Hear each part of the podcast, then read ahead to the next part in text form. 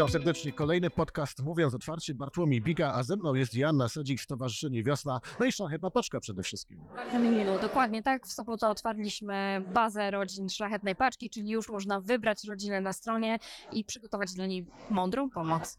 Ładnie. Ja myślę, że wielu słuchaczy jest oswojonych z tą formułą, bo ona jeszcze nawet wtedy, kiedy nie słyszało się o czymś takim jak wolontariat pracowniczy, to to się działo. Nie nazywaliśmy tego w ten sposób, ale myślę, że w wielu firmach, w wielu organizacjach, instytucjach coś takiego już się działo. Zastanawiam się, skąd biorą się ludzie, którzy chcą działać? Od kogo wychodzi najczęściej inicjatywa? Czy z wyższych szczebli, czy z niższych? Czy to trzeba jakiegoś jednego lidera, który zarazi? Gdzie się pojawiają te takie pierwsze iskierki? Ja bym powiedziała, że e, tak jak z każdą energią społeczną, ona rodzi się w głowie jednego człowieka, który pociąga potem za sobą innych. E, no, Szlachetna Paczka w, e, w tym roku jest w 90 nowych miejscach. Takich miejscach, gdzie albo od dawna jej nie było, albo w ogóle nigdy jej nie było. I zawsze to zaczyna się tak samo. Ktoś pisze do nas maila, słuchajcie, chciałbym pomóc ludziom w mojej miejscowości. Widzę, e, pani Helena jeździ na wózku, ten wózek jest już stary, zużyty, zepsuty, ona nawet nie wie, jak go wymienić. Jest pan Stanisław, który jest po amputacji nóg, ma cukrzycę, mieszka w bardzo e, trudnych warunkach. My mu sami nie pomożemy, potrzebna jest szlachetna paczka. Potrzebna jest szlachetna paczka, dlatego że marka, logo, sposób działania, szkolenia dla tych e, liderów, którzy są e, lokalnymi liderami. Bardzo często oni mają energię, ale tą energię trzeba zagospodarować systemowo, tak żeby jej nie tracić na takie rzeczy, nie wymyślać koła na nowo, żeby nie tracić tej energii na to, żeby, że, że jak współpracować lokalnie, jak współpracować z samorządem, co zrobić, jak zebrać ludzi, skąd ich wziąć. Łatwiej jest dołączyć do czegoś większego, ale robiąc nadal lokalnie szlachetną paczkę, bo każdy rejon szlachetnej paczki z tych e, blisko siedem- 700 rejonów e, jest inny. W niektórych jest e, naprawdę mm, taka, taka sytuacja, gdzie są dzieciaki, którym po prostu trzeba pomóc. W niektórych jest duża liczba osób z bezdom- wychodzących z bezdomności. W niektórych rejonach z kolei to są rejony wiejskie. One bardzo się różnią od Krakowa czy Warszawy, od centrum miasta i też inną pomoc możemy zaoferować, więc e, tak, zawsze jest ktoś e, lokalnie, kto zna swoją lokalną społeczność i kto mówi, kurczę, tu by trzeba było podziałać. Cieszę, że wspomnieliśmy o tej energii społecznej, bo jesteśmy na Open Eyes Economy Summit i to jest taki motyw przewodni, który e, nam się przewija i dzisiaj, i jutro. Stąd też te głosy, które mogą słuchacze słyszeć. To nie tak, że rozmawiamy na dworcu w biegu, tylko rozmawiamy na konferencji. Lękę spadek, to jest cudowne. To jest, wydaje mi się, też e, fajne, że na tym kongresie dużo się rozmawia. Nie tylko są odczyty, przemówienia, ale rzeczywiście, że rozmawiamy i chyba tak powinno być.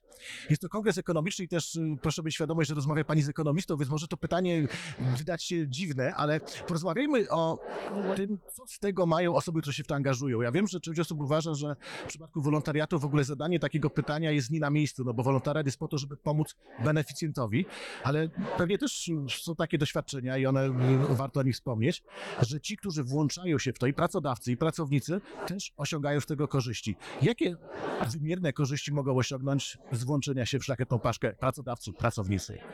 Od samego dołu, czyli od pracownika. E, znam taką fantastyczną historię człowieka, który pracował w banku i powiedział, kurczę, nie wierzyli mi, jak aplikowałem, że umiem zarządzać ludźmi, że umiem się z nimi dogadać. Aplikowałem w wewnętrznej rekrutacji na wyższe stanowisko menedżerskie zarządzające i powiedzieli mi, słuchaj, ale ty najpierw musisz coś zrobić takiego, żeby, żebyśmy zobaczyli, że umiesz. No i e, e, został liderem Szlachetnej Paczce. Został liderem Szlachetnej Paczce, świetnie poprowadził rejon. E, jego, miał się potem czym pochwalić. Opowiedział o tym, co zrobił, jak zrobił, jakie współpracę nawiązał, jak fantastycznie zrobił też to, że ci wolontariusze, którzy z nim pracowali, chcieli zostać na kolejny rok. To jest e, najbardziej cenne, bo wtedy już nie trzeba ich szkolić, oni mogą pomóc większej liczbie osób. I e, to jest taka historia tej osoby na samym, e, na samym dole tej drabinki. Natomiast myślę, że wolontariat pracowniczy, każdy, kto e, pracuje w e, takiej firmie, która się angażuje w wolontariat pracowniczy, wie o tym, że robienie czegoś wspólnie, e, robienie czegoś poza swoimi zwykłymi obowiązkami, rozładowuje napięcia w zespole, e, angażuje ludzi również nie tylko w to działanie, ale potem we współpracę. Jak kogoś znamy, to zwyczajnie wiemy o nim trochę więcej, więc lepiej nam się pracuje. Jak nam się lepiej pracuje, to mamy lepsze efekty. Same plusy. Teraz z perspektywy pracodawcy, który może narzekać, no cóż, moi pracownicy mają ograniczony czas i, i te ledwo się wyrabiają z naszymi zadaniami, a tutaj przychodzi ktoś, kto ich odciąga, jeszcze liczy, że dzięki temu awans dostanie. Czy dla pracodawców możemy tutaj też wskazać takie korzyści? Ja myślę, że to fantastycznie, jak pracodawca ma kogoś, kogo awansować i ma e, tego kogoś do awansu sprawdzonego, sprawdzonego w działaniu, nie w mówieniu o tym, ile potrafi. Więc myślę, że to już jest bardzo e, duża korzyść. Korzyścią jest to, że ludzie znają się między sobą, są związani między sobą relacjami takimi właśnie wolontariackimi. Wiedzą, że mogą na sobie polegać. To przekłada się wprost na, na pracę i na efektywność pracy po prostu. I teraz y, jeszcze chciałem dopytać, czy w każdej firmie, do każdej firmy pasuje szlachetna paczka? Czy są takie firmy, takie organizacje, gdzie łatwiej jest coś takiego przeprowadzić, a takie, gdzie no faktycznie ktoś musi się wykazać wielkimi umiejętnościami, jako ta pierwsza iskierka, która rozpali? Gdzie najłatwiej, gdzie najtrudniej? Moja odpowiedź byłaby inna kilka lat temu, ale po tym jak byliśmy w lockdownie, w covidzie i e, szlachetna paczka w firmach się udawała, mimo tego, że ludzie pracowali zdalnie w domu i byli kompletnie odsunięci od siebie, nie ma takiej miejscowości, nie ma takiej firmy, nie ma takiego zakładu pracy, nie ma takiej grupy osób, która nie da rady tego zrobić. Bardzo dobra wiadomość, bo y, to znaczy, że każdy, kto jest zainteresowany, niezależnie od tego, gdzie pracuje, może, może coś takiego spróbować zrobić. I mam nadzieję, że wykorzystać argumenty z tej naszej rozmowy, w rozmowie z pracodawcą, że to nie jest tylko jakiś taki CSR na boku, który zrobimy, bo uważamy, że to jest słuszne, ale to jest nie tylko słuszne, ale i może być bardzo korzystne. I jest to inwestycja, tak to traktujmy. Jeszcze chciałem zapytać od strony obdarowywanych, bo na razie mówimy od tej drugiej strony, natomiast przecież oni są zawsze centralnie w tego typu ak- akcjach. Wiem, że Państwo dużą uwagę przywiązują do tego, żeby nie pogłębiać czegoś takiego, co się nazywa wyuczona bezradność. To znaczy, żeby ta pomoc nie utrwalała pewnych złych nawyków, nie utrwalała ich w trudnej sytuacji, tylko była impulsem do wyjścia. Proszę powiedzieć, co właśnie w największym stopniu może przyczynić się do tego, że pomagamy, ale w taki sposób, żeby już później nie trzeba było im pomagać. Jest bardzo różnie, bo proszę pamiętać, że 30% e, beneficjentów na przykład w zeszłym roku to byli seniorzy, e, którzy no, ciężko wysłać 74-letnią panią Stanisławę, żeby sobie gdzieś dorobiła, chociaż ona i tak dorabia, bo ona e, myje okna u swoich sąsiadów i robi im zakupy i za to dostaje drobne pieniądze, które wspomagają jej budżet. Ale e, w sytuacji, kiedy ktoś, e, na przykład, tak jak pani Helena, i to jest historia z tego roku, Pani Helena w tym momencie jest w szpitalu. Dlaczego? Jest, e, ma przepuklinę, była operowana. Dlaczego? Dlatego, że jeździła na rowerze do pracy. Jeździła do pracy na rowerze, dlatego że nie ma komunikacji tam, gdzie ona mieszka. 40, ponad 40 km w jedną stronę, dzień w dzień, żeby posprzątać biurowiec. Wracała te 40 km z powrotem. Pani ma ponad 50 lat i nie ma innej możliwości pracy. Chce być samodzielna, ale już wie, że na tym rowerze nie będzie jeździć. Głupim pomysłem byłoby jej dać żywność, środki czystości i e, nie wiem, wymianę okna w domu. Mądrym pomysłem jest to, żeby dostała skuter. Skuter, którym po prostu będzie dojeżdżać do pracy i będzie samodzielna. Mądrym pomysłem jest e, danie krawcowej, która ma e, dwoje maleńkich dzieci i nie może chodzić do pracy. Kupno dla niej maszyny do szycia, po to, żeby e, przy drobnych poprawkach, przy takich rzeczach, które można przy dzieciach robić, dorobiła sobie do kośniakowego i już wtedy nie ma e, 2000 zł z zasiłków, ale e, dorabia sobie kolejne 2000 zł i tak naprawdę jej to wystarcza. Nie, nie potrzebuje szlachetnej paczki. Ale tu nie będę oszukiwać, zdarzają się takie e, rodziny, gdzie na przykład e, starsza osoba opiekuje się drugą starszą osobą, która jest ogólnie chora i tak naprawdę tam ta pomoc, żywność, środki czystości to jest to, żeby ta osoba złapała oddech i w ogóle zaczęła no inaczej patrzeć na świat. Koniec jeszcze zapytam, czy formuła szlachetnej paczki już jest domknięta i w zasadzie nie czują Państwo potrzeby nic zmieniać, czy jednak y, coś nowego w tej edycji, coś co tych, którzy brali udział w poprzednich edycjach y, może zaskoczyć? My się zmieniamy każdego roku. Zwracamy uwagę na to, że e, na przykład, e, no, chociażby w pandemii, dołożyliśmy do naszych działań e, telefon zaufania dla seniorów.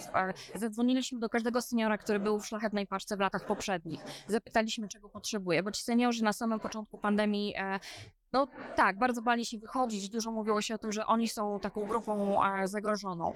I odpowiedzieliśmy na tą potrzebę. Każdego roku patrzymy na to, e, kto jeszcze potrzebuje naszej pomocy. No nie ukrywam, że w tym roku e, również i nadal potrzebują jej e, osoby starsze, które przyjechały z Ukrainy. Takie osoby, które nie odnalazły się e, w Polsce, a nie mają do czego wracać w Ukrainie. Osoby, które mają 70, 80 lat, e, czasem są samotne, a czasem są, jest to para, która, która przyjechała w związku z wojną i to są takie osoby, których na pewno nie chcemy pominąć ani zostawić, bo one sobie zwyczajnie same nie poradzą. My nie patrzymy przy jednej paczce na mm, wygląd, zawód wyuczony, na wiek, na... patrzymy, czy ktoś potrzebuje pomocy i czy to jest akurat ta pomoc, której my możemy udzielić.